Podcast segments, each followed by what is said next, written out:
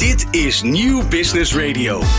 Duurzaamheid. Het is niet meer weg te denken. In ons dagelijks leven, de politiek en natuurlijk op het gebied van business. Hoe laten we de wereld na aan de volgende generaties? Droogte, opwarming van de aarde, uitputting van grondstoffen, luchtvervuiling. Hebben we betaalbare oplossingen voor deze problemen? Ons Nederlands bedrijfsleven is vindingrijk.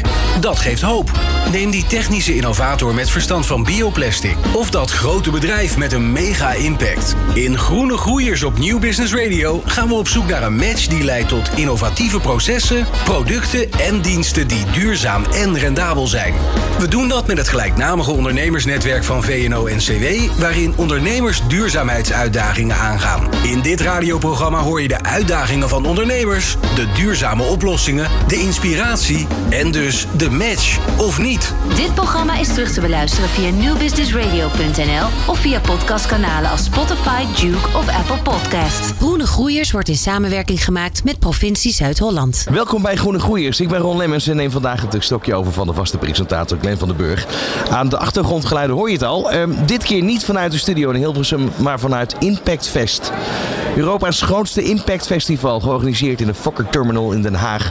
En ja, de transitie naar een duurzame en inclusieve economie is afhankelijk van samenwerking. Dat horen natuurlijk ook keer op keer in Groene Groeiers. Tijdens Impact Fest worden start-ups, scale-ups, investeerders, beleidsmakers en andere impactmakers samengebracht vanuit over de hele wereld voor dus de zevende editie van Impact Fest. We hebben vandaag twee onderwerpen te bespreken waarbij we uiteraard hopen dat er een match is. Het vraagstuk is de verduurzaming bij renovatie en onderhoud van bruggen. Te gast en uitdager is Herman van der Horst van Movaris. En ja, de wellicht oplossingbiedders zijn Rijn Hinsen van Horizontiers en Peter Kreukniet van de stichting Insert. En Martijn ten Katen van De Bin. Hij heeft wellicht ook een oplossing voor dit vraagstuk. En het tweede vraagstuk is over bermgras. Wat kan je daar allemaal mee? Inmiddels is de term biobased bouwen geen echte onbekende meer. Uh, maar wat kan er nog meer mee gebeuren? Straks komt langs Ger Kwakkel van de gemeente Den Haag en Martijn Savijnen van Spaak. En we hebben ook in de studio namens de provincie Zuid-Holland Koen Geerdink.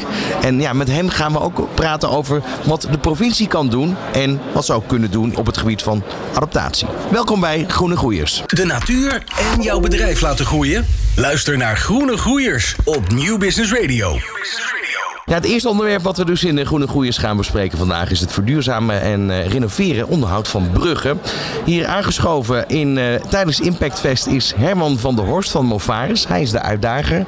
Um, en eigenlijk, Herman, van harte welkom. Er zijn twee uitdagingen. Um, zullen we maar eerst beginnen dan met de eerste uitdaging? Uh, circulaire materiaalonderdelen. Um, ja, dat, dat, is, dat is de wens. Meer gebruik daarvan maken. Wat voor onderdelen gebruiken jullie nu eigenlijk al die op een circulaire manier vervaardigd zijn? Ja, um, om dan daarop te antwoorden is essentieel om, te bedenken dat uh, bruggen uit de, infrastructuur komen. En daar worden specifieke eisen aangesteld. En dat betekent simpelweg dat er op dit moment nog veel te exploreren is hoe dat moet. Want er zijn eigenlijk bar weinig materiaalpaspoorten. Er is uh, geen helderheid over het materiaal waar een brug uit bestaat vaak uh, als het gaat over wat voor materiaal is het, is het gecertificeerd en welke belasting is erop geweest.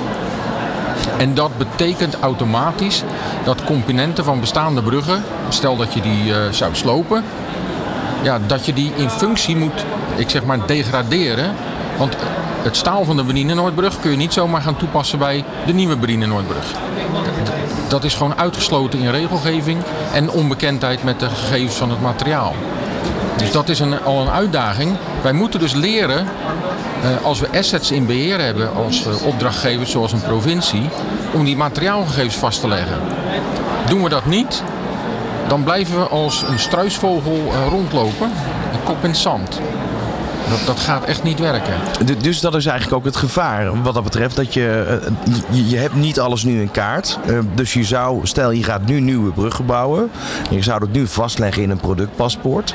Dan weet je precies waar de afkomst is van die materialen. Dan zou dat op een, op een goede manier, in een circulaire manier weer herbruikt ja, kunnen worden. Dus. Ja, ja, maar dan heb je het echt over toekomst. Dat is de toekomst. Ja maar, ja, maar ik probeer een andere nuance er nog in te geven. Want een brug wordt normaal gesproken ontworpen voor 100 jaar. Dus als je dat besef hebt en je denkt, en dat bedoel ik met de toekomst, voordat je dat misschien kan hergebruiken, ben je vele jaren verder. Maar vastleggen is echt, als je er nog wat mee wil, moet je het vastleggen. Moet je de materiaalgegevens hebben, de certificaten, de tekeningen.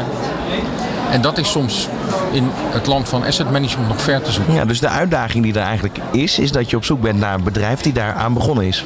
Ja, en, en die... En een database bijhoudt. En, en dat wellicht voor heel Nederland of misschien om te beginnen met een provincie. Ja, ja en, en dan komt het. Uh, wij hebben in Nederland een soort lage structuur. Hè? Uh, we hebben de Rijksoverheid, Rijkswaterstaat bijvoorbeeld. We hebben provincies en we hebben gemeentes.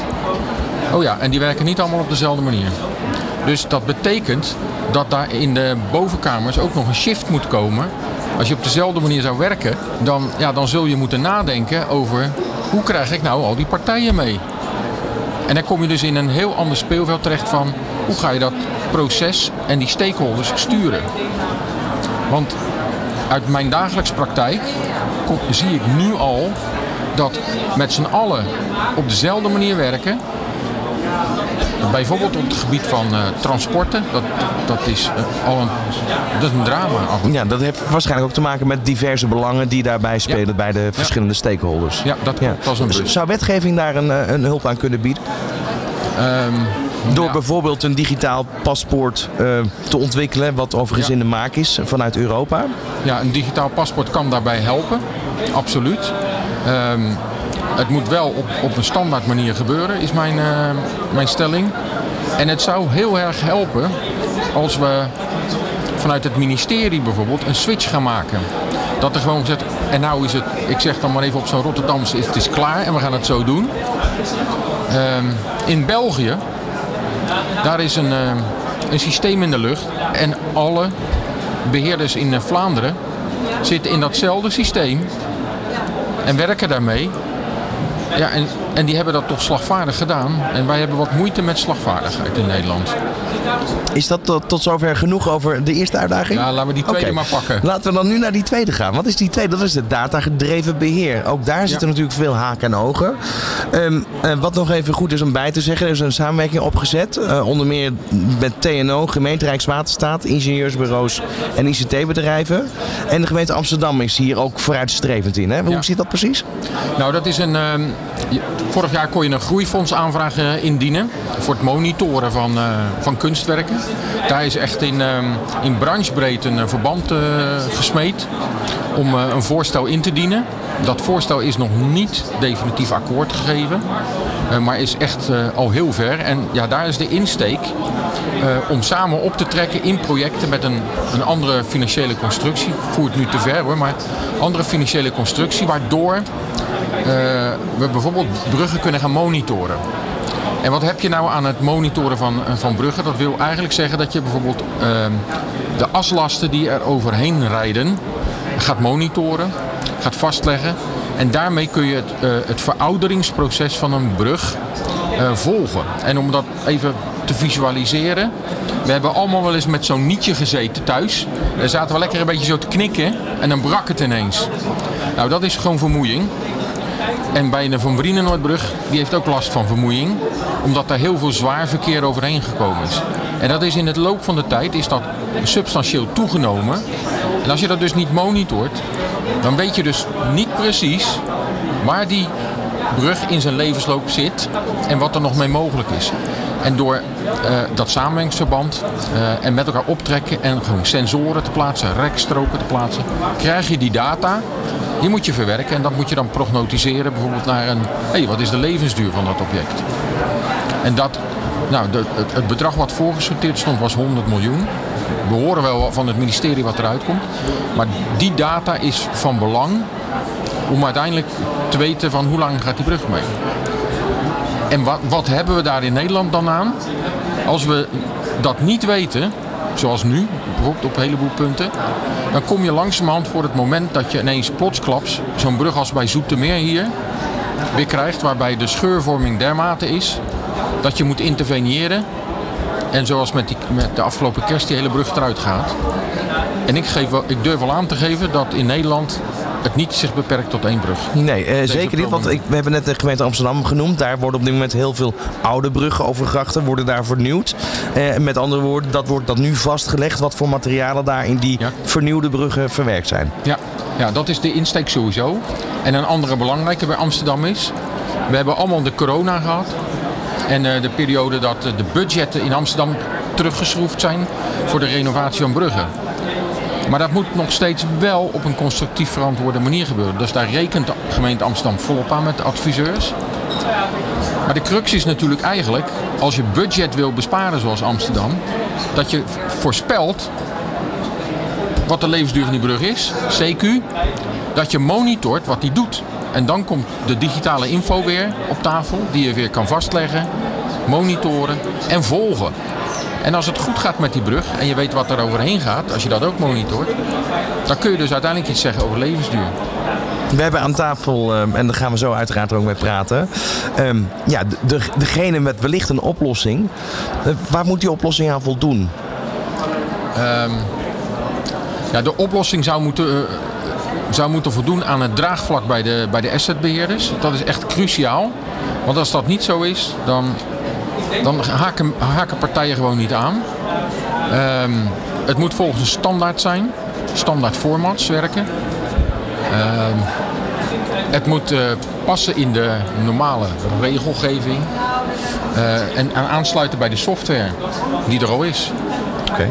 Herman, blijf zitten. We gaan lekker luisteren naar de oplossingen. En we horen van jou graag straks of er een match is. Minder kosten en minder CO2. Groene Groeiers inspireert en matcht. Elke tweede vrijdag van de maand tussen 11 en 12 uur op Nieuw Business Radio. Ook terug te beluisteren als podcast. Ja, in Groene Groeiers vandaag gaan we dus hebben over uh, ja, wat is de oplossing voor het renoveren en onderhoud van bruggen voor de lange termijn. Um, uitdaging hebben we net gehoord, dat was Herman van der Horst. En de twee uitdagingen zijn dus circulaire materialen onderdelen en datagedreven beheer. De eerste uh, partij waar we nu mee gaan spreken is de stichting Insert. Dat is een, um, beheer, ja, ze beheren een database van materialen en die zijn dus geschikt voor hergebruik. Um, en de stichting is uiteindelijk opgericht door sloopbedrijven. Aangeschoven is Rijn Hinsen van Horizon Tiers. Rijn, van harte welkom. Dankjewel. En we hebben ook hier Peter Kreukniet van Stichting Insert. En um, ja, misschien moet u even om de beurt vertellen wat jullie precies doen binnen de, de stichting. En uh, ja, hoe de link is ontstaan. Insert, ontstaan uh, zes jaar geleden. We hebben bewust de keuze gemaakt om er een stichting van te maken. Omdat wij uh, onafhankelijk in de markt willen staan als het gaat over circulaire transitie. Van, vanuit de lineaire economie vandaan. En we hebben daarvoor een aantal diensten ontwikkeld en een aantal digitale producten ontwikkeld. Uh, om uh, heel duidelijk Nederland te helpen in een stukje materialen zichtbaarheid. Dus het uiteindelijk creëren van materialenpaspoorten. en dat je op basis van die paspoorten beslissingen kan nemen over toekomstig hergebruik van je materialen. Op het moment dat je weet wat je hebt, kun je daar ook sturing aan geven. En een van de dingen waar wij, en ik vond het mooi dat Herman dat zei, als we kijken naar, we hebben in Nederland heel veel standaarden. En er is ook een landelijke bruggenstandaard. Uh, dat is een ketenstandaard ook. En wij kunnen op basis van die ketenstandaarden kunnen wij die Kan je misschien even een beetje uitleggen, want dat is sorry. voor mij als leek uh, niet te begrijpen. Nee. Um, uh, in Nederland werken we eigenlijk met, met architectenbureaus en met aannemers eigenlijk altijd met standaarden. Dus bijvoorbeeld in, de aannemerij werken we met Stabu, dat zijn standaard besteksteksten.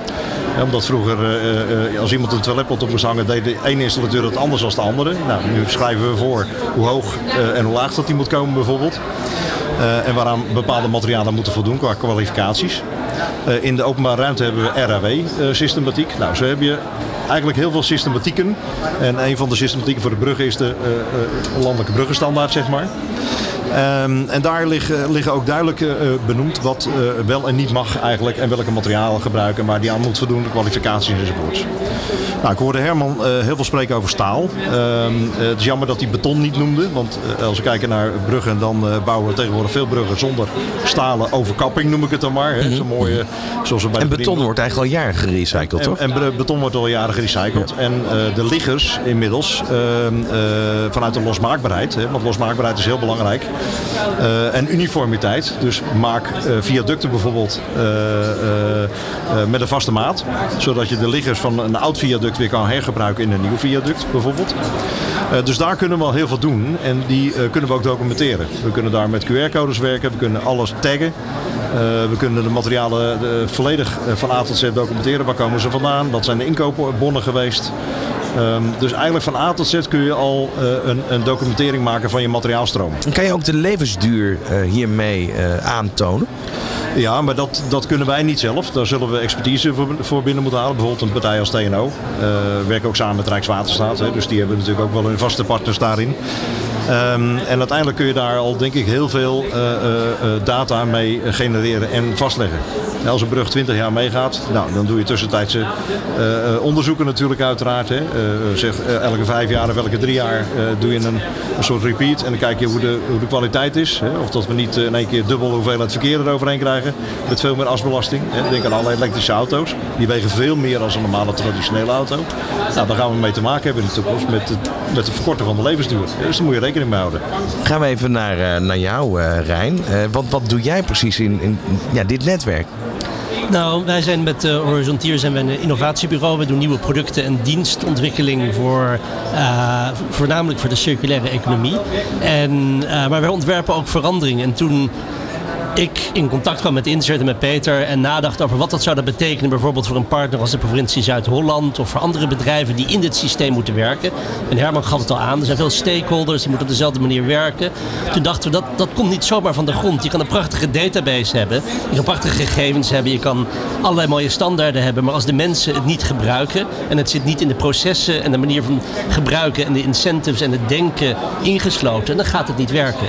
Zij geloven heel erg dat je mensen mee moet krijgen met het systeem. Dat het gaat van uh, bewustwording naar inzicht, naar actie. En dat wij mensen kunnen helpen, uh, samen met Insert, om de manier van werken aan te passen en het bewustzijn te verhogen. Bijvoorbeeld ook als je net zo'n voorbeeld neemt. Stel nou, je hebt een, een kunstwerk, een brug, waar allerlei materialen uit kunnen komen. Je weet dat die materialen eruit kunnen komen.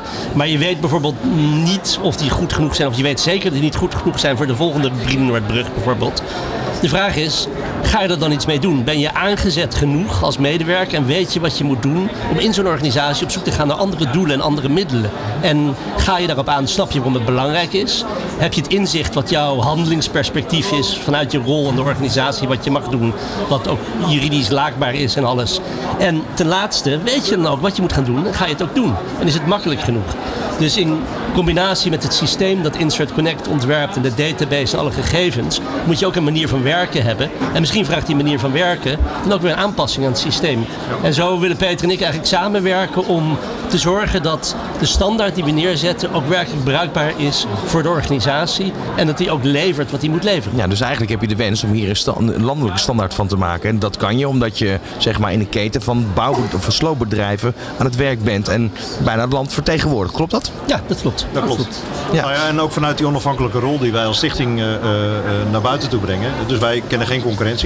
We werken met iedereen in de markt. Uh, dus waar, waar moet een sloopbedrijf aan voldoen om bij jullie aan te kunnen sluiten? Um, in, in, principe, als ze um, hun materialen willen documenteren, dan sluiten ze een abonnement af. Wij werken met een abonnementenstructuur. Maar bijvoorbeeld bij Amsterdam hebben we gewoon een samenwerking met hun. En participeren we ook mee om te kijken van nou binnen de gebiedsontwikkelingen.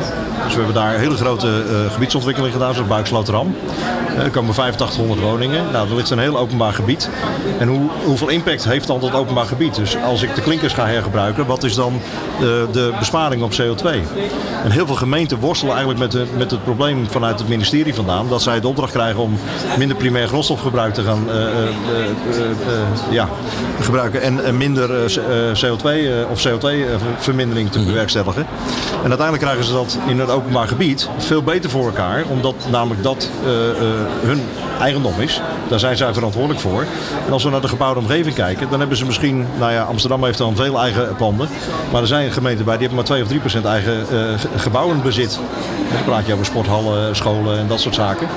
Dus ja, hoeveel impact kun je daar dan op maken? En daar heb je ook helemaal geen zeggenschap op. Want dat zijn namelijk panden die in eigendom zijn van een andere, andere uh, ja, van een woningcorporatie of van particuliere mensen. Dit, zijn heel veel uh, goede voorbeelden van hoe, hoe het zich nu momenteel ontwikkelt. Wat zou je nu concreet voor Herman, voor Movaris, uh, ja, wat, wat, zou je daar als handreiking nu willen aanreiken? In één zin, kan je dat uitleggen in één zin?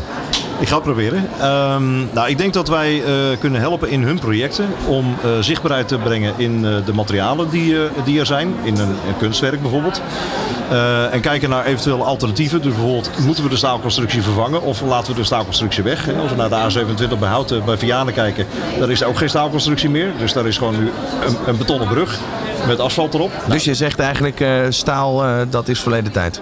Nou, is misschien, is misschien een beetje achterhaald. Je moet ook kijken naar, naar uh, oplossingen om minder materiaal, minder primair virgin materiaal te gaan gebruiken. En veel beter naar goede en creatieve oplossingen te, te, kijken. Zodat je uiteindelijk hetzelfde resultaat bereikt met minder, minder grondstoffengebruik. Dank jullie wel. Ja, dan, dan hebben we natuurlijk, los van de eerste oplossingen die net geboden zijn door Stichting Insert, hebben we nog een partij aan tafel, de BIN. Martijn de Katen, van harte welkom. Um, ja, je hebt natuurlijk het verhaal gehoord van uh, beide heren zojuist en het verhaal van Herman van Movaris. Wat, wat kunnen jullie hier aan bijdragen? Uh, ja, goede vraag. Nou, met de BIN helpen wij bedrijven die eigenlijk niet tevreden zijn met de oplossing die ze nu hebben voor een bepaalde afvalstroom of voor restproducten.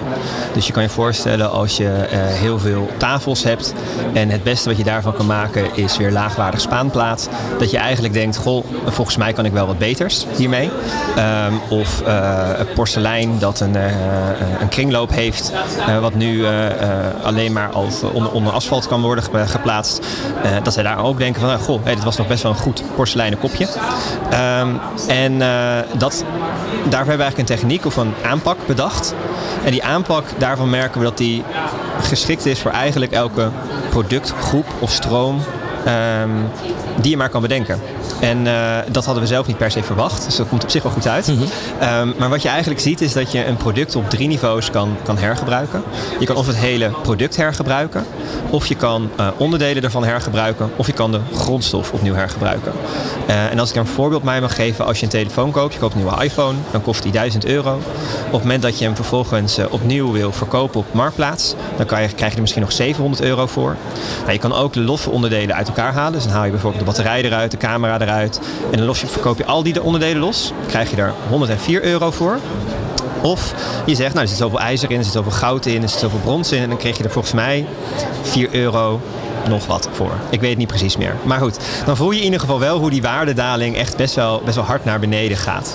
En wat wij dus zoeken is dat we op die drie niveaus naar verschillende productgroepen kijken welke oplossingen daarvoor zijn. Zowel binnen die branche als buiten die branche. Nou, een uitdaging voor jou, de Van Brinobrug. Ja, dat nou, is inderdaad maar. Uh, best een uitdaging. Ja, ja nee, ik denk uh, in dat aspect dat wij niet uh, de partij zijn die, die, die, zomaar gaat helpen om je, je brug om ergens anders te plaatsen. Nee, maar het gaat om het idee uiteindelijk waar, waar, je, waar je iets mee kan. Dat, dat is wat je aangeeft. Precies, ja. Dus wat het wel is, er zitten heel veel onderdelen in zitten. En die onderdelen, die kunnen wel ergens anders her, hergebruikt worden. En dat geldt zowel voor onderdelen die je nu weer kan inzetten voor een nieuwe brug. Maar ik denk voornamelijk voor bruggen waarvan je dus aangeeft dat je al 100 jaar staan. Of misschien iets korter, omdat er toch wat meer auto's overheen gegaan zijn dan we eigenlijk verwacht hadden 100 jaar geleden. Um, waarvan je gewoon voelt, deze zijn niet meer herbruikbaar in de huidige vorm. Um, maar die zijn wel weer herbruikbaar in andere vorm. En dan kan je inderdaad hebben over, oké, misschien is het een onderdeel van een laagwaardigere brug of van een fietsbrug. Maar misschien kan het ook een heel ander onderdeel zijn. Dat is echt afhankelijk van uh, de constructie en de vorm die dat product heeft. Um, dat kan wel. Ja. En dan hoor ik eigenlijk dat jullie ook met elkaar moeten praten met hè, de, stichting Insert.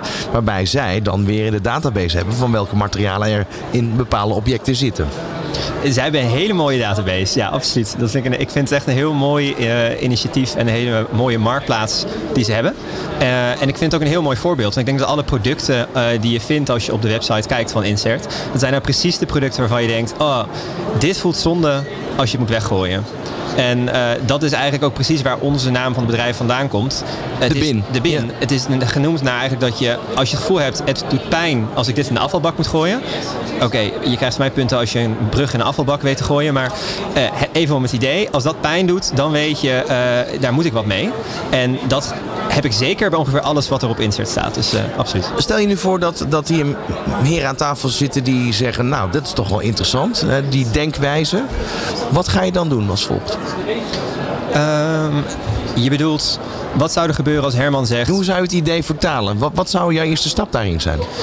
Ehm, mijn eerste stap is, ik ben zelf geen bruggenbouwer. Dus ik weet niet onder welke onderdelen allemaal een brug bestaat. Maar het gaat echt om dat je hem per component bekijkt. En eigenlijk als je hem weer pakt als die telefoon, dan zeg je een telefoon bestaat uit verschillende onderdelen. Nou, in dit geval hebben we volgens mij al wel met elkaar geconcludeerd dat je de telefoon niet kan verkopen op Marktplaats. Maar je kan wel kijken welke onderdelen er dus uit bestaan en of die hergebruikt kunnen worden. En dan kan je het zowel kijken over, over de plaat als over elk klein en groot onderdeel. En daarvan bekijk je per onderdeel of je het geheel kan hergebruiken. Dus of misschien dit deel op zo'n manier belast is dat het wel opnieuw gebruikt kan worden als brug. Of het als materiaal opnieuw hergebruikt kan worden ehm, binnen de, de infra of in een sector daaromheen. Of dat het toch echt weer als grondstof moet en of je dan op een aparte manier kan inzamelen door het als grondstof weer beschikbaar zou worden. Dat is wat ik zou doen. Ja. Dankjewel voor je verhaal. Ja, dan komen we uiteindelijk weer uit eh, bij Herman eh, van Movaris. Eh, Herman, was je verrast door de, verhalen van beide kanten eigenlijk? Ja en nee. Ehm, ik zal er wel op inzoomen. Het, verhaal van binnen van jullie herken ik heel erg. Eh, er wordt ook zo gedacht. Ehm, en dat is absoluut een, een richting waar we eh, op moeten. Eh, het is op dit moment in de praktijk van, van, de, van de renovatie van de brug of nieuwbouw al zo dat we werken aan standaardisatie. En stel dat een brug ergens opgegeven wordt, dat de componenten elders eh, toegepast kunnen worden. Dus dat soort ontwikkelingen in delen denken, dat, loopt. Ehm, er is ook eh, belangstelling, eh, in ieder geval er is aangegeven of er een partij is die belangstelling heeft voor die Brienenoordbrug. Ehm, maar dan op een locatie waar de, de belastingen lager zijn. Dus downsizen van de belasting, dat noemde jij ook. Ehm, alleen niet, ja, dat staat niet te trappelen, zullen we maar zeggen, aan de voordeur. En ehm, het materiaal winnen, terugwinnen, ja, dat is zeker ook aan de orde. Ehm, ik, ik zei net al tegen iemand van, ja, het is helaas dat in, in het noorden van ons land, in eh, Groningen, stond een fabriek die die materiaalscheiding kon doen. Dus de, de duurzame materialen eh, ehm, en chroom uit het eh, staal halen. Die fabriek die is failliet omdat we gewoon niet bereid zijn om geld te betalen qua, qua ton iets meer te betalen om dat daar onder te brengen. Nee, we brengen het eerst met een transportmiddel naar Turkije en dan gaan we dat op een niet duurzame manier lekker slopen eh, met een hoop afvalstoffen in de lucht. Niet de route die we op moeten. Ehm, dus, dus jouw verhaal herken ik heel erg en zou absoluut ehm, standaard moeten zijn bij het opstarten van een project. Eh, in, op die manier gaan denken in het ontwerp, maar ook eh, de hele keten door. Hebben we daarbij een match? Ja, dat, dat, dat denk ik wel. En, en zeker om dat te bevorderen. Nou, dat is mooi. Dat is, ja, zeker. Waar we geen duidelijke match hebben, was de opmerking... eh, ik ben sowieso geen voorstander van staal of beton of wat ook. Ik ben het eerste bestuurslid in Nederland... die bestuurslid is bij Bouwen met Staal en bij de betonvereniging. En ook daar volgen we niet de policy van eh, het materiaal voortrekken op het ander. Nee, je zet het in waar, je, waar het slim is om toe te passen. En dan komt de volledige mismatch. De opmerking die net gemaakt wordt over staal, die, die slaat de plank vol, volledig mis. Dat doet pijn, hè? Eh, ja, dat- ja, vooral ook omdat ehm, er dan gedacht wordt uit een, een, een verkeerde gedachte. Je moet, moet kijken waar het materiaal voor geschikt is. En ik voorspel, de Brienenoordbrug kan niet gebouwd worden op die manier van beton. Dat past niet bij die locatie. Als je wat anders wil, moet je veel hoger abstractieniveau gaan. En anders denken en kijken tegen de mobiliteitsopgave van Nederland. Maar dit is... Ja, sorry. Maar uiteindelijk, ehm, als je weer even teruggaat naar, naar, naar het punt van staal, die laat ik rusten verder. Want daar gaan we niet over strijden, daar ging het niet om. Het gaat erom, heb je wat aan, aan, aan die materiaalpaspoort? En dan wil ik één ding meegeven. De grootste opgave die Nederland heeft, is geen nieuwbouw. Dat is renovatie. Hergebruik, zoveel mogelijk. En dat is een groter deel van de opgave. Dus waar zou de focus met het paspoort moeten liggen? bij de bestaande objecten. En niet bij de nieuwbouw, want er komt niet veel bij, want we hebben de centjes niet. En we willen een langere levensduur. Want een langere levensduur van een object zorgt ervoor dat we geld besparen, een object langer gebruiken. Dus het paspoort, als ik mijn geld ergens in zou steken, zou ik het veel eerder steken in het opzetten van, van allerlei paspoorten die te maken hebben met bestaande bruggen. En ik voorspel dat als je bij gemeentes langs gaat, dat die soms met de handen in het haar zitten van hoe ze dat moeten doen. Daar help je ze mee. Er is een club van 25 vanuit platform Brugge. En daar is men gemeenschappelijk aan het nadenken hoe ze dingen vast gaan leggen. Ehm, een ander issue wat er speelt is eigenlijk eh, naast die club van 25 heb je eh, het bouwakkoord staal, het bouwakkoord beton. Daar lopen allerlei activiteiten om dit soort dingen inzichtelijk te maken. Dus ik zou zeggen, ook daar aansluiten en doorbouwen. Want dan maken we met elkaar stappen voorwaarts in het speelveld. En daar komt gegarandeerd de digitalisering echt prominent ook naar voren.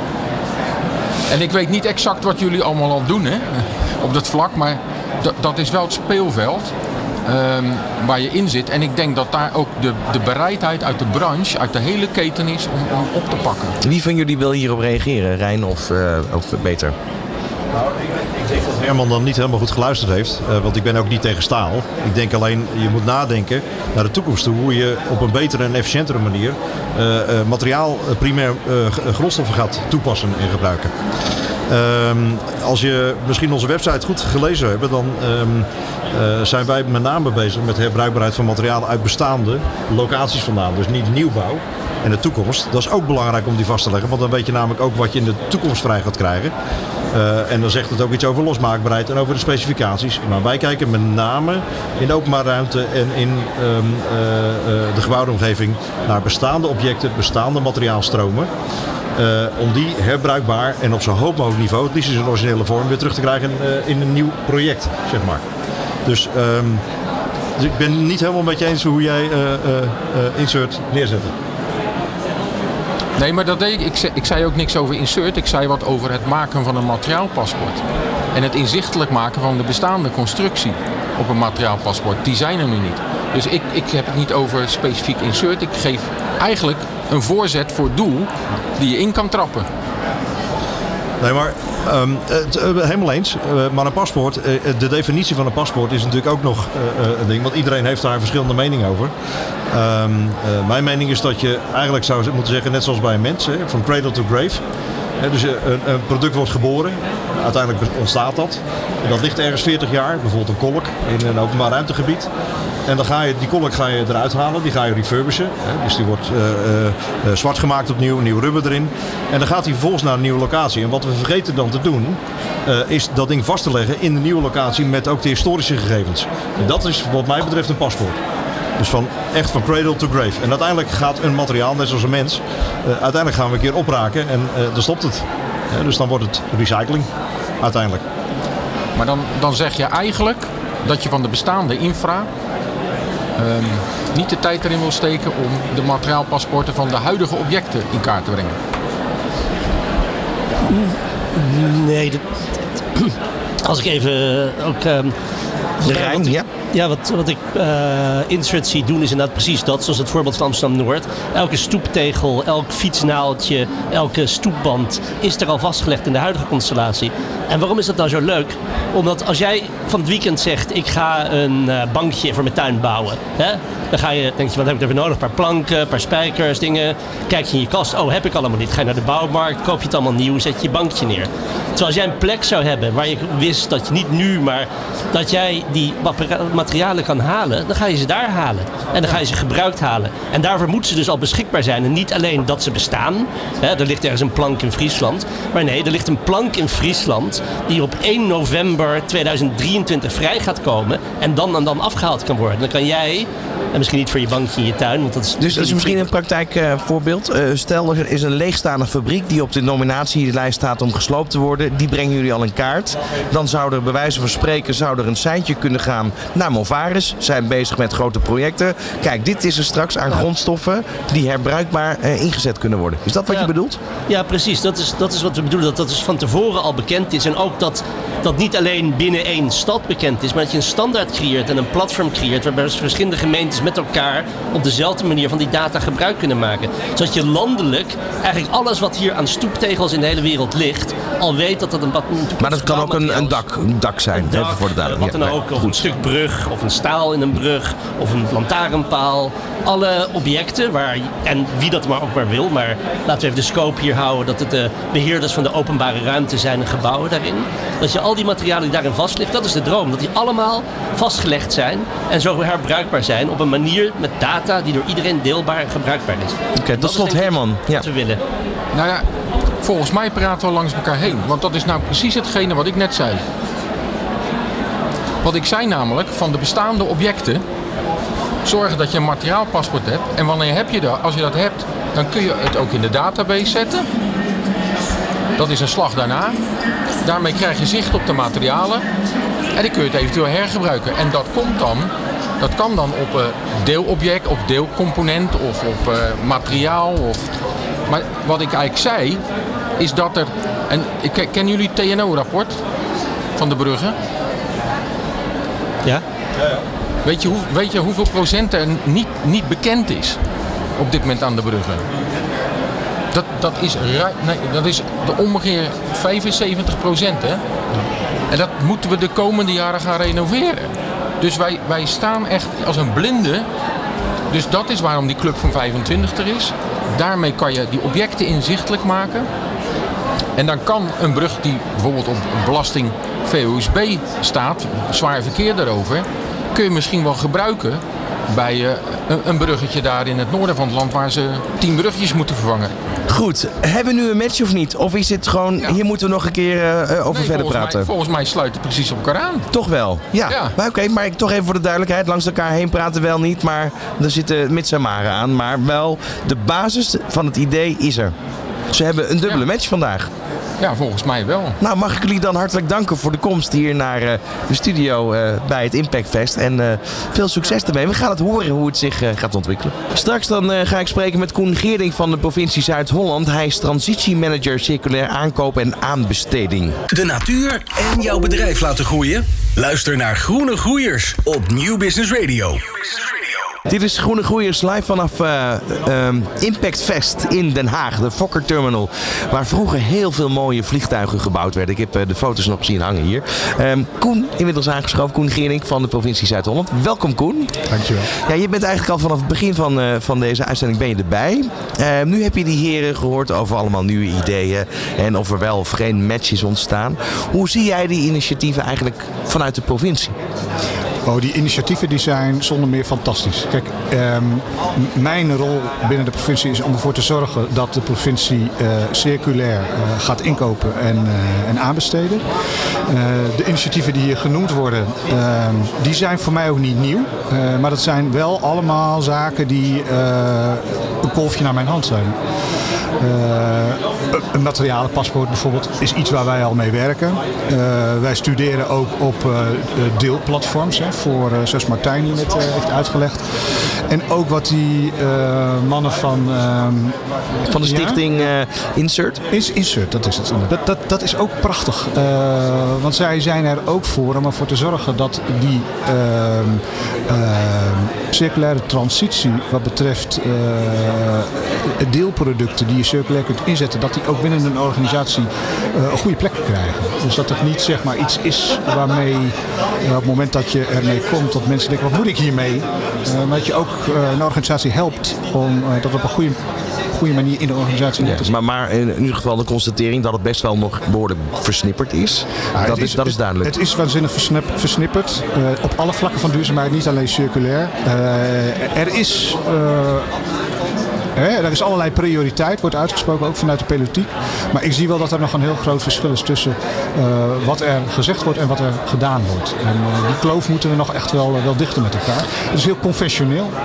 Uh, men stuurt op bereikbaar, betaalbaar uh, veiligheid. En duurzaamheid is nog altijd een, een, een aspect wat erbij moet. waar veel mispercepties omheen zijn. Duur, tijdrovend. Men wordt er niet op afgerekend en men wordt er niet voor beloond om het te doen. En daardoor blijft het altijd op een bepaalde afstand staan voor mensen om het ja. toe te passen. En, het, het circulair inkopen, hè? want ik ben echt hier best wel een leek hierin. Dat geef ik eerlijk toe. Dus dat is alleen maar fijn, want dan wordt het, als het goed is, zometeen goed uitgelegd. Ja. Hoe, hoe, hoe, ga jij daarmee om? Hoe kijk je met, met welke partij je gaat inkopen? Wat, waar moeten zij aan voldoen? Uh, uh, nou, eigenlijk is het, is, zit het proces anders voor mij in elkaar. Mm -hmm. Kijk, op het moment dat, dat wij binnen de provincie iets gaan inkopen. we hebben ongeveer een, een inkoop totaal spend per jaar van 350 miljoen. 80% daarvan zit, zit in infra. Een, een, een, groot gedeelte daarvan wordt aanbesteed. En in zo'n aanbestedingstraject dat is een, een, een gefaseerd proces. En um, of duurzaamheid en of circulariteit daar een rol in speelt, bijvoorbeeld. dat hangt heel erg nog af op dit moment van de, de persoon die het project onder handen heeft. Dus de opdrachtgever en de opdrachtnemer. en dat is nog veel te weinig geborgd. En, uh, maar zou je dat als provincie wel in een soort van uh, pakket van vereisten kunnen stellen? Ja, dat, dat zou zeker kunnen. En, gebeurt het al? Te, te, weinig dus. Dus we moeten wel zorgen dat, uh, dat wij dat circulariteit en duurzaamheid helemaal voor in de keten krijgen. en dat is een, een, een, een een opgave. En wat heb je daarvoor nodig als in, in jouw rol in dat opzicht? Uh, primair heb je daarvoor nodig uh, prioriteit vanuit het, uh, de politieke kant en ook vanuit Dus eigenlijk draagvlak. Ja, ja vorm, ferme uitspraken vanuit de, de politieke kant, vanuit GS en dan vervolgens ook moet dat doorgevoerd worden in het management. Dus zij moeten de opdracht krijgen om duurzaam circulair te handelen. En als dat duidelijk is, daar geen, geen lucht meer in zit, uh, dan wordt het makkelijker. Want dan blijft de vraag alleen maar over, oké, we moeten het doen. Uh, het heeft prioriteit, maar hoe gaan we het doen? Ben je dus nog niet, maar dan ben je wel een heel stap verder. Maar wat zijn op dit moment de meest voorkomende circulaire grondstoffen die je inkoopt of producten? Ja, eh, kijk, als je naar het infrabereik kijkt, hè, dus uh, uh, wegen, bruggen, dat soort zaken, dan, dan kijk je naar duurzaam beton of je kijkt naar asfalt, wat je duurzaam kunt inzetten. Uh, laag temperatuur asfalt, andere mixen, eh, dat soort zaken. En, en dat, dat gebeurt eigenlijk vanuit de provincie en dus niet vanuit de, de, eigenlijk de uiteindelijk opdrachtgever of opdrachtnemer, laat ik het zo zeggen in dit geval? Uh, nou ja, kijk, de opdrachtgever en de opdrachtnemer zitten dus bij de provincie. Dus die, die, die aanbestedingen, daar heb je een opdrachtgever en opdrachtnemer binnen de provincie voor. Mm en in een aanbesteding wordt dan gezegd, als dat op een goede manier wordt meegenomen, eh, wij hechten veel waarde aan duurzaamheid, circulariteit. Eh, we hebben die en die eisen en we hebben die en die gunningscriteria. Uh, en dan is vervolgens een, een, een, een, een marktpartij die dan op zo'n aanbesteding uh, inschrijft, die kan dan laten zien dat hij voldoet aan die eisen en ook op een goede manier omgaat met die gunningscriteria. Nou, en degene die dat het beste doet, is degene die de aanbesteding wint. Maar of dat dus wordt meegenomen, die duurzaamheid en de circulariteit. Dat ligt dus aan de, de opdrachtnemer binnen de provincie die okay. de opdracht moet ja. uh, stand moet geven. Nu werk jij voor de provincie Zuid-Holland. Ik kan me voorstellen dat eigenlijk bij alle provincies dit speelt. In hoeverre is daar een soort van overleg met elkaar? Oh, daar is zeker overleg. Uh, je hebt IPO heet dat. Het is een soort interprovinciaal overleg. En uh, daar worden dit soort zaken over hoe je duurzaamheid op een goede manier georganiseerd krijgt, worden altijd besproken. Maar het ei van Columbus is daarbij nog niet gevonden. er wordt wel echt hard aan gewerkt. dus je hebt men, zegt daar van er is eenheid in verscheidenheid. Dus iedereen heeft een eigen politiek bestuur. Die hebben allemaal hun eigen prioriteiten. En er wordt ook door elke provincie op een andere manier invulling aangegeven. De een is verder dan de ander. En wat we nu proberen is niet om alles helemaal strak te trekken volgens één methodiek. Maar juist al gebruik te maken van de expertise die elke provincie zelf heeft. Ja, ik kan me wel voorstellen, provincie Zuid-Holland is de meest dichtstbevolkte provincie van Nederland. Ja. dus daar is het qua infrastructuur denk ik extra belangrijk dat dat Zeker. verder ja, veranderd wordt. Ja, Rondom Rotterdam bijvoorbeeld. Ja, ik geloof dat, dat Noord-Holland en Zuid-Holland samen goed zijn voor de helft van alle grondstoffen die in Nederland provinciaal worden ingezet. We gaan je verder op uh, in deze aflevering nog even spreken. En met name ook over het nieuwe idee wat we zo meteen te sprake gaan brengen. Mm -hmm. Bermgas. Hoor ik je straks over. Dankjewel. Koen. Zometeen gaan we hier horen het wilde idee. En het wilde idee hebben we eigenlijk ja, opgedaan door gewoon rond te lopen hier in de Fokker Terminal bij Impact Fest. En daar kwam een wild idee uit. Het wilde idee van... Luc Hogehorst en Cas van der Voort van Weco. Zeg ik het goed, Cas? Ja. Jij gaat, uh, jij gaat het wilde idee aan ons presenteren. Het leuke is hier op het Impact Fest dat er natuurlijk genoeg wilde ideeën rondlopen. Je krijgt een minuut de tijd en die gaat nu in. We zitten midden in een transitie van uh, fossiele brandstoffen naar duurzame energiebronnen. En uh, nou, we hebben al fantastische ontwikkelingen gezien in uh, wind en zon de afgelopen jaren. Maar met alleen wind en zon gaan we het niet redden. En daarom zijn we bezig met het ontwikkelen van een wave energy converter. Dit is een systeem wat energie kan opwekken uit de golven op zee. Uh, nou, hier zijn we al drie jaar mee bezig. En uh, aan het eind van het jaar hopen wij uh, dan eindelijk de Noordzee op te gaan om onze eerste prototype echt offshore te gaan testen. Geweldig idee, maar, maar hoe, hoe, werkt het dan in de praktijk? Je drijft het of het bestaat uit inderdaad een systeem dat drijft. Maar wij zijn niet de allereerste die uh, golfenergie hebben bedacht. Hè. Dus uh, is al 50 jaar uh, gaande. En ehm, de meeste systemen die hebben iets dat drijft. Maar wat, wat wij anders doen is dat wij een, de horizontale beweging van zo'n golf gebruiken om energie op te wekken. Terwijl de meeste oplossingen een verticale beweging op, doordat wij dus die horizontale beweging kunnen gebruiken, hebben we een stuk minder drijfvermogen nodig. Maar ook um, het voordeel is dat we twee keer zo efficiënt die energie eruit kunnen halen. Dus lichtgewicht en efficiënt, dat zijn onze pijlers. Daarnaast is ook onze filosofie om uh, kleiner te gaan in plaats van groter. Een van de ontwikkelingen in de industrie is om klein te beginnen, heel klein te beginnen en dan steeds groter en groter en groter. Nou, daar, daar komen ook dan steeds grotere investeringen bij kijken. En als je een, een klein systeem ontwikkelt en je wilt klein blijven. Maar, maar waar heb je het dan over? Als je nu praat over een klein systeem, wat is de impact van zo'n systeem? Als je het zou vergelijken met een windmolen, wat levert het op aan energie?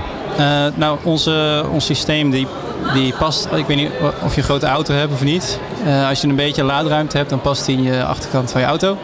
En uh, daar kunnen we ongeveer 11, uh, 11 huishoudens uh, mee voorzien. Dat is veel. Zo'n klein systeem. En de, als je kijkt naar het oppervlak, hè, dat is ongeveer 1 vierkante meter. Een zonnepaneel, ja, daar heb je, heb je er 10 van op je dak nodig om één huis van stroom te voorzien. Dat geeft iets heel moois weer. nu hebben jullie dit wilde idee. De reden dat jullie hier zijn is natuurlijk om te kijken of je ondernemers kan vinden die hier ook wat in zien, toch? Ja, nee, het is heel leuk. Vorig jaar waren we hier ook. En toen hebben we de Haagse Vernieuwings Challenge gewonnen. En dit jaar zijn we hier en hebben we een donatie gekregen uit het Rabobank Impact Fonds. Dus ja, het is ontzettend leuk om nou, natuurlijk weer terug te zijn op uh, een van de plekken waar je echt een boost hebt gekregen aan je idee. Maar het is ook leuk om te zien wat voor nieuwe ideeën er ontstaan. En uh, naar allerlei partijen waar je waar je mee kan samenwerken, uh, die interesse tonen. Het is gewoon een superleuke sfeer. Ja, want ja, binnenkort ga je de zee op. En wanneer is dit realistisch? Uh, iets wat we straks gewoon als gemeengoed gaan zien. Wat, wat hopen jullie? Uh, ja, dus misschien even om een idee te geven van onze roadmap. We zijn zeker de komende anderhalf jaar nog aan het testen voor ons proof of concept. Um, onze eerste machine gaat niet eens energie opwekken. Die, dat is puur om te kijken of we inderdaad, zoals wij denken, dat we de stormen kunnen overleven. Want dat is een van de grootste uitdagingen op de Noordzee. Als al die testen allemaal goed verlopen zijn, dan gaan we er uh, wel, wel stroom mee opwekken. Uh, met het elektrisch systeem en de generator uh, erin. Um, dus dat is de, en dan gaan we dat verder testen in de komende anderhalf jaar. Dan zijn we ja, nog niet op een commercieel schaal. Dus moet, je moet echt denken wel in de lange termijn. Ja, wat hadden we bedacht? 2026 geloof ik. Dat ja. we onze eerste pilot wilden gaan doen met redelijk grootschalige ja. energieopwekking. Als, als een mooie eerste markt zien wij het Caribische gebied. Uh, en dat is niet omdat er hele mooie stranden zijn, maar dat is omdat die eilanden daar echt uh, behoefte hebben aan uh, nieuwe oplossingen. Want met alleen wind, windmolens en zonnepanelen komen ze er niet. En ja, ze zijn nu nog gewoon vaak afhankelijk van de import van diesel. Dat zorgt voor veel CO2-uitstoot en hoge energieprijzen. Dus het is een hele mooie markt voor ons om te beginnen. Heel mooi. Um, tot slot, stel dat je nu één oproep zou willen doen. Wat zou die inhouden? We zoeken eigenlijk altijd enthousiaste mensen die uh, mee willen werken aan het, uh, nou, het, ontwikkelen van dit idee. En zorgen dat dit er ook echt gaat komen. Uh, dus ja, vind je het leuk om bezig te zijn met innovatieve technologie. Hou je van de zee en uh, nou, wil je echt impact maken? Uh, stuur dan een mailtje of uh, kom in contact met ons. Nou, wat is mailadres? contact at joinweco.nl En Weco schrijf je W-E-C-O. Dank jullie wel voor de komst en ja, voor het presenteren van dit wilde idee. Fantastisch. Bedankt dat we mochten komen. Luc Hogevorst en Cas van de Voort van Weco. De natuur en jouw bedrijf laten groeien? Luister naar Groene Groeiers op Business Radio. New Business Radio. Ja, vandaag in deze aflevering van Groene Groeiers eigenlijk wel een bijzondere locatie waar we zijn. Het uh, Impact Fest in Fokker Terminal in Den Haag. Grootste Impact Festival georganiseerd dus ook hier voor de zevende keer alweer. En we hadden net natuurlijk het idee en de vraag. En uiteindelijk is het toch een match geworden voor twee partijen zelfs. Over ja, de oplossing rondom renovatie en onderhoud van bruggen. Nu naar het tweede onderwerp. En dat is bermgas. Wat kan je daar eigenlijk allemaal mee? En ja, de, de term biobased bouwen is geen onbekende term meer. Dat kent iedereen. Uh, maar wat kan je er nog meer mee? We gaan daarover praten met uh, Gerrit Kwakkel van de gemeente Den Haag. En Martijn Savenijen. Hij is van Spaak. En Spaak biedt oplossingen op het gebied van gas. Daar zometeen. Eerst even naar Ger. Ger, welkom uh, bij ons hier op het Impact Fest. Dank je wel. in je eigen stad ook nog eens een keer. Voordat we naar het onderwerp Berm gaan, Ger. hoe is het algemene circulaire beleid van de gemeente Den Haag momenteel? Hoe ver zijn jullie? Nou, als je kijkt naar Den Haag, hebben we per dag, gok is hoeveel miljoen kilo afval? De stad als Den Haag. Een mooie vraag. Ik denk... Uh, 1, 2, 3... 10 miljoen? 4,5 per dag. En dat is bouwafval, bedrijfsafval, huishoudelijk afval en een biobased afval. Wat, wat vrijkomt in de openbare ruimte. Dus, en mijn klus is eigenlijk zorgen dat dat afval weer lokaal uh, als grondstof wordt ingezet. En um, dat betekent dus eigenlijk altijd dat je iedereen een stap voor moet zijn. Want voordat het afval wordt, is het nog of in gebruik of ligt het nog ergens? Hoe, hoe ga je daar te werk? Het liefst wil je voorkomen dat het ontstaat. Maar dat is echt ingewikkeld, zeker als gemeente. Um, Even een heel raar voorbeeld misschien. We zijn bezig met een bedrijfje dat uh, voorkomt dat luiers ontstaan, volle luiers. dus die zorgt dat uh, baby's echt eerder op de pot gaan. En dat voorkomt Nou, dat zou voor mij goed uitkomen. Ik zit nog midden in de luiers. Ja. Nee, maar, dus als je daarop inzet, is het natuurlijk een heel andere manier van denken. Uh, maar dan het scheelt gewoon zes tot acht luiers per dag per kind. Nou, daar moet je als gemeente op inzetten. In plaats van dat je zegt van ja, we gaan elke keer weer die luiers recyclen. Oké, hoe, hoe je dat voor elkaar dan? Nou, dat is heel ingewikkeld. Het, het, begint al binnen de gemeente. Want de eerste vraag die ik krijg, wat is dan de rol van de gemeente? Waarom doen wij dit? wij zijn van afval en dat hoef ik niet eens uit te leggen. Um, ja, dus, dat wij uh, 600.000 kilo huishoudelijk afval per dag verbranden in, uh, in Rotterdam, dat hoef ik niet uit te leggen. Maar als ik me bemoei met zo'n bedrijfje wat voorkomt dat er afval ontstaat, ja, dan moet je uitleggen wat, waarom doet de gemeente dat? Je kan het bijna vergelijken met de medische sector, waarbij je uh, eerder gaat op preventie dan uiteindelijk op opereren. Ja. ja. Dat, dat, is het eigenlijk. Ja, klopt. Um, waar je hiervoor bent, is onder andere bermgras. Ja. Hoeveel kilometer berm heb je in Den Haag? Of is dit een hele moeilijke vraag? Nou, ik heb. Nee. Ik heb wel uitgezocht dat, dat is toevallig zoveel jaar terug, is er een onderzoek gedaan in de hele provincie Zuid-Holland naar alle biobased reststromen. En wij hebben, als je kijkt naar Bemgras, zijn wij de tweede grootste van Zuid-Holland. En ik meen dat je dan hebt over 2000 uh, ton per jaar aan bermgras wat dan vrijkomt. Wat gebeurt er nu mee? Um, nou, we maaien dat twee keer per jaar, hè, bermgras. Gemiddeld. Uh, in juni en oktober meestal. En dat gaat het gewoon in bulk, wordt het gecomposteerd. Dus dat is redelijk laagwaardig ja. eigenlijk. En, en wat gebeurt er dan mee? Um, ja, dan gaat het in principe weer terug het land op en dan wordt het weer onderdeel van de bodem. Um, maar in circulaire termen is dat best wel laagwaardig. Ja. Uh, dus op het moment dat je een hoogwaardige oplossing hebt, zoals een biobased bouwmateriaal, even als voorbeeld, ja, dan kom je hoger op die, uh, ja, die R-ladder. Dat is natuurlijk al een bekende term, ik noemde het net ook al eigenlijk. Um, maar dan toch even heel praktisch, zo'n berm ligt vaak vol met troep. Zou je niet willen, maar dat is helaas zo. In Den Haag ook. Ja, ja. Hoe, hoe ga je daarmee om? Hoe, hoe scheid je dat eigenlijk van het, het daadwerkelijke materiaal? In dit geval, want gewoon gas. Dat, kijk, het mooiste zou zijn dat je vlak voordat je maait alles schoonmaakt. Dat is geen begin aan, toch? Ja, nee, dat is geen begin aan. Want dan moet je uh, echt alles op elkaar afstemmen en dan moet het bewijzen van naadloos op elkaar aansluiten. Dus in de praktijk zit er best wel wat uh, verontreiniging tussen. Maar dat is ja, ik zou bijna zeggen, dan ook een uitdaging voor een start-up of een bedrijf die dat dan vervolgens verderop in de keten weer wat, wat mee gaat doen. Ja, want dat is concreet eigenlijk het, het vraagstuk wat je hebt. Hoe kan je dat bermgas dus inderdaad op een hoogwaardige manier in een circulaire eh, keten stoppen, waardoor het op een goede manier gebruikt wordt, zonder dat het weer ergens eh, de bodem in verdwijnt, eh, met wellicht ook alle restafval, alles wat ertussen ligt. Ja. Wat, wat is eigenlijk het makkelijkste? Niet maaien. Maar goed, onze stadsecoloog is het daar niet mee eens. Want die zegt je moet juist vooral maaien. Omdat eh, de bodem in de stad als Den Haag krijgt al veel te veel nutriënten. door verkeer, door andere oorzaken. Eh, dus je moet juist maaien en het gras ook weghalen. Anders krijg je juist te voedselrijke bodem. En dat is ook niet goed voor de bloemen.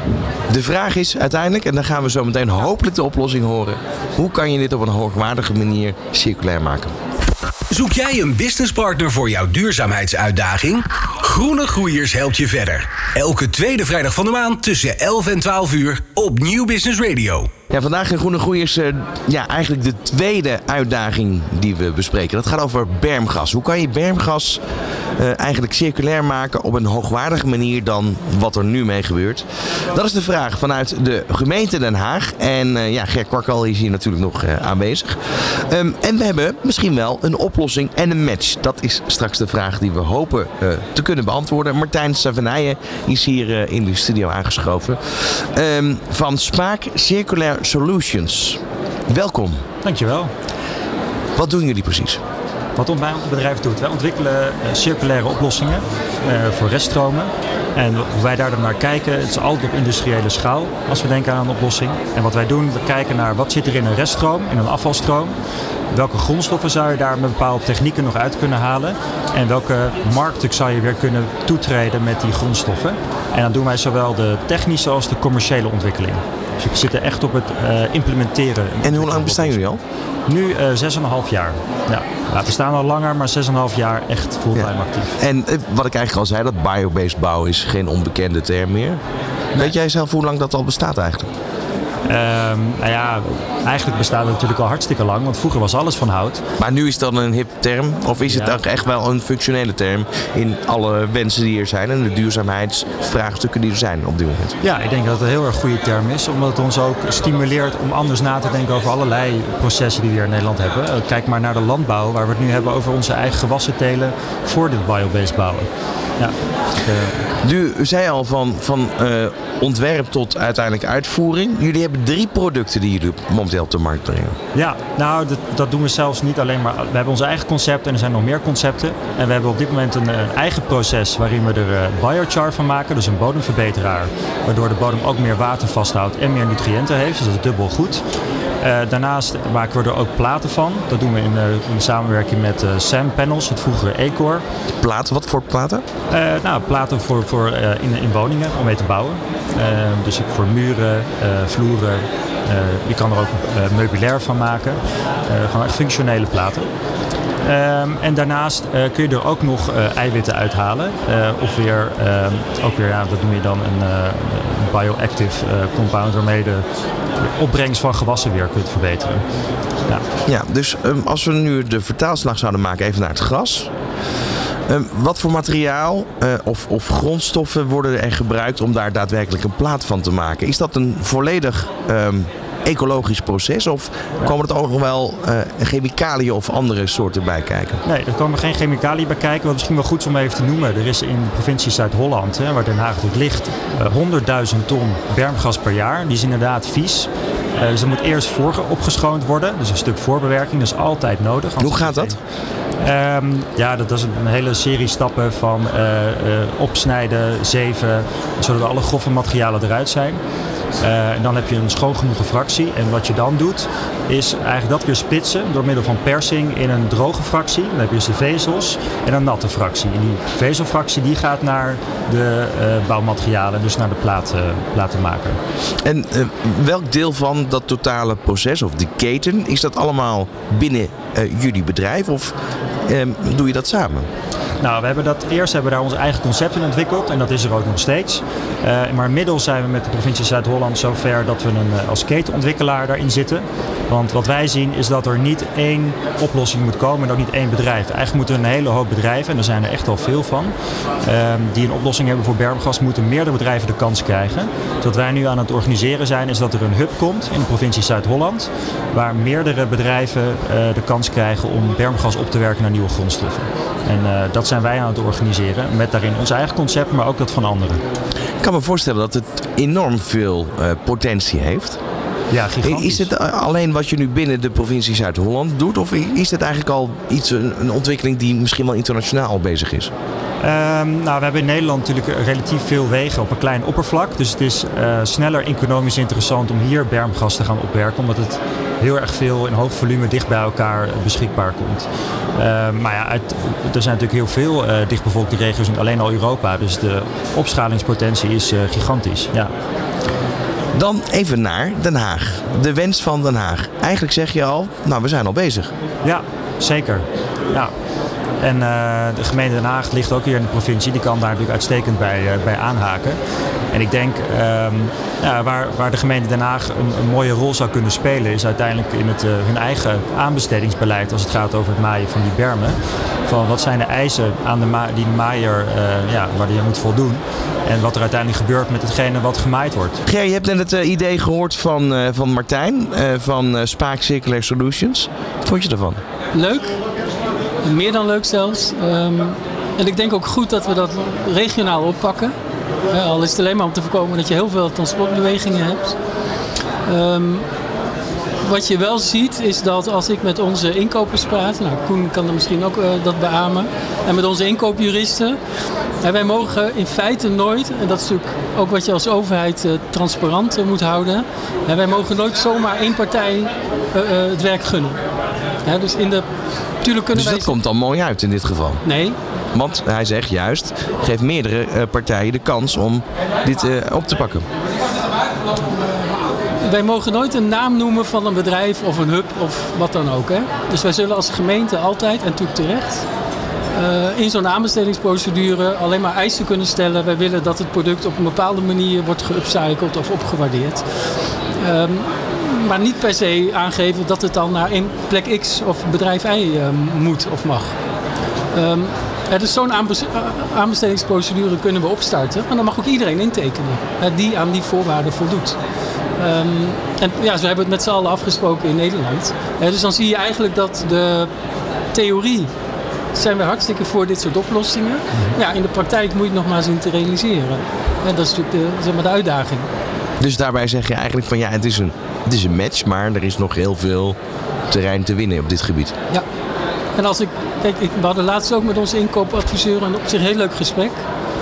Maar die heeft zelfs al moeite als wij met partijen praten die mogelijk in een aanbesteding mee mogen of kunnen doen. Eh, eigenlijk als je diep in hun hart kijkt, zeggen ze al van ja, praat daar nou maar niet mee, want ja, dat kan altijd tegen je gebruikt worden. Um, Martijn, nu zei je eigenlijk ook van er moet ook wel nog het nodige geïnvesteerd worden. Is een gemeente als Den Haag daarin bereid om uiteindelijk dit idee wel uh, verder handen en voeten te geven door daarin te investeren eerst?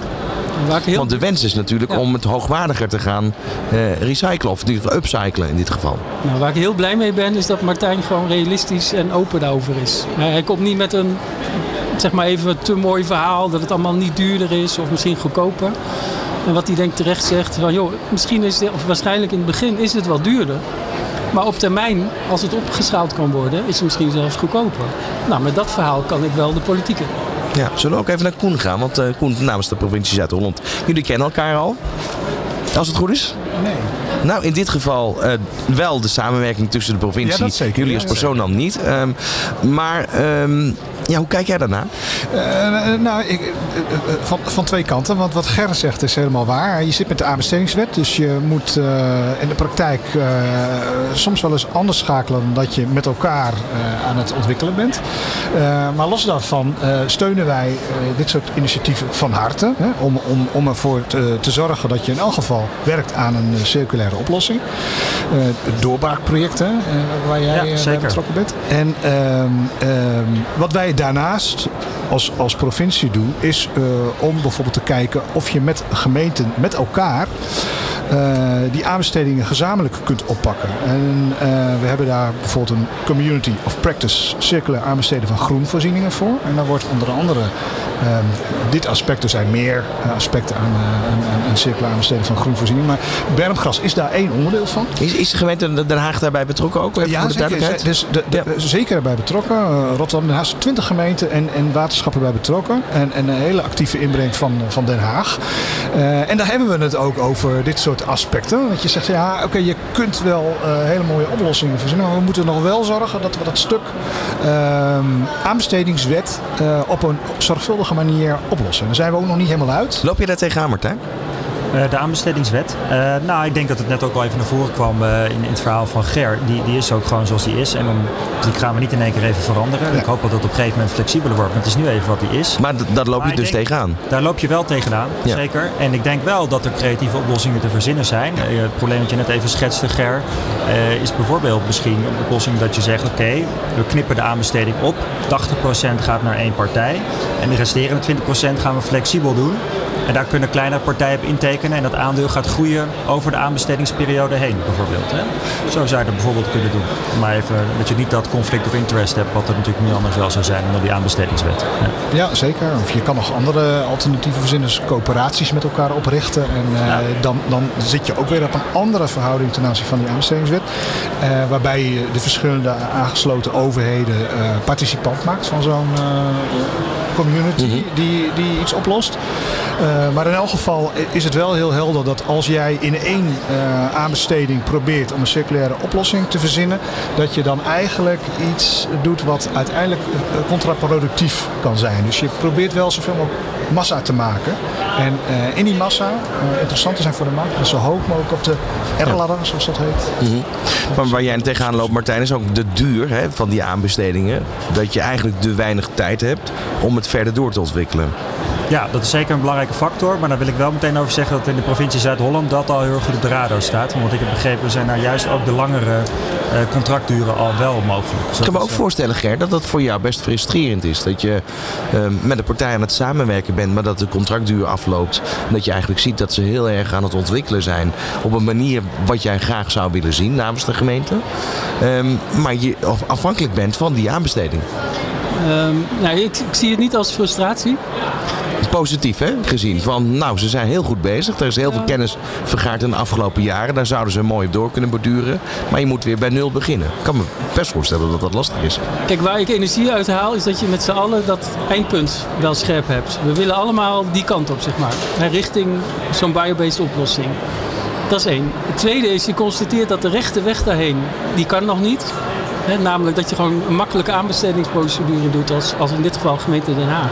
En we gooien alle bermgas die kant op. Het is die rechte weg daarheen, die lukt niet. En de uitdaging is met z'n allen, hoe vind je die omweg? En welke omweg kies je dan? Um, en ik denk dat daar bijvoorbeeld de provincie ons als gemeente enorm bij kan helpen. En want elke gemeente zou dan opnieuw zo'n wiel moeten uitvinden. Oh ja, hoe gaat die procedure precies? En de een gaat dan rechtsom, de ander gaat linksom. Terwijl misschien moeten we allemaal dezelfde route kiezen. Ook al blijft het een omweg. En daar kan dan de provincie bij helpen. En als je daar bent, dan krijg je de massa zeg maar, die, die, die je wil hebben met z'n allen. Ja, dat is zeker zo. De provincie is, is op zich niet de grootste speler in dit verhaal. Maar de regierol is wel heel duidelijk voor de provincie. Daarmee. Dan ga ik toch nog even de vraag aan jou stellen. Want dat is de vraag die we natuurlijk altijd stellen. Hebben we een match? Ik denk het wel. Nou, mij betreft ook. Lijkt een uh, mooi uitgangspunt. Dat was hem, de aflevering van Groene Groeiers. Met daarin twee onderwerpen en twee vraagstukken dus ook die we besproken hebben. Over renovatie en onderhoud van bruggen. Waarin we spraken met Herman van der Horst van Movaris. Rijn Hinsen van Horizontiers. En Peter Kreukniet van Stichting Insert. En het tweede onderwerp was bermgas. Wat kan je daar allemaal mee? Biobased bouwen hebben we zojuist gehoord. Daarover spraken we met Ger Kwakkel van de gemeente Den Haag. En Martijn Savanijen van Spaak Circulair Solutions. En deze hele aflevering was ook de gast Koen Geerdink. Transitie Manager Circulair Aankoop en Aanbesteding bij de provincie Zuid-Holland. En tot slot gaan we nog één keer terug naar het Impact Fest met een nieuw wild idee. Bedankt voor het luisteren voor nu en graag tot de volgende keer. Het wilde idee van... I'm Fabiola Polli from Biofashion Tech. Hello, Fabiola. Welcome in our studio.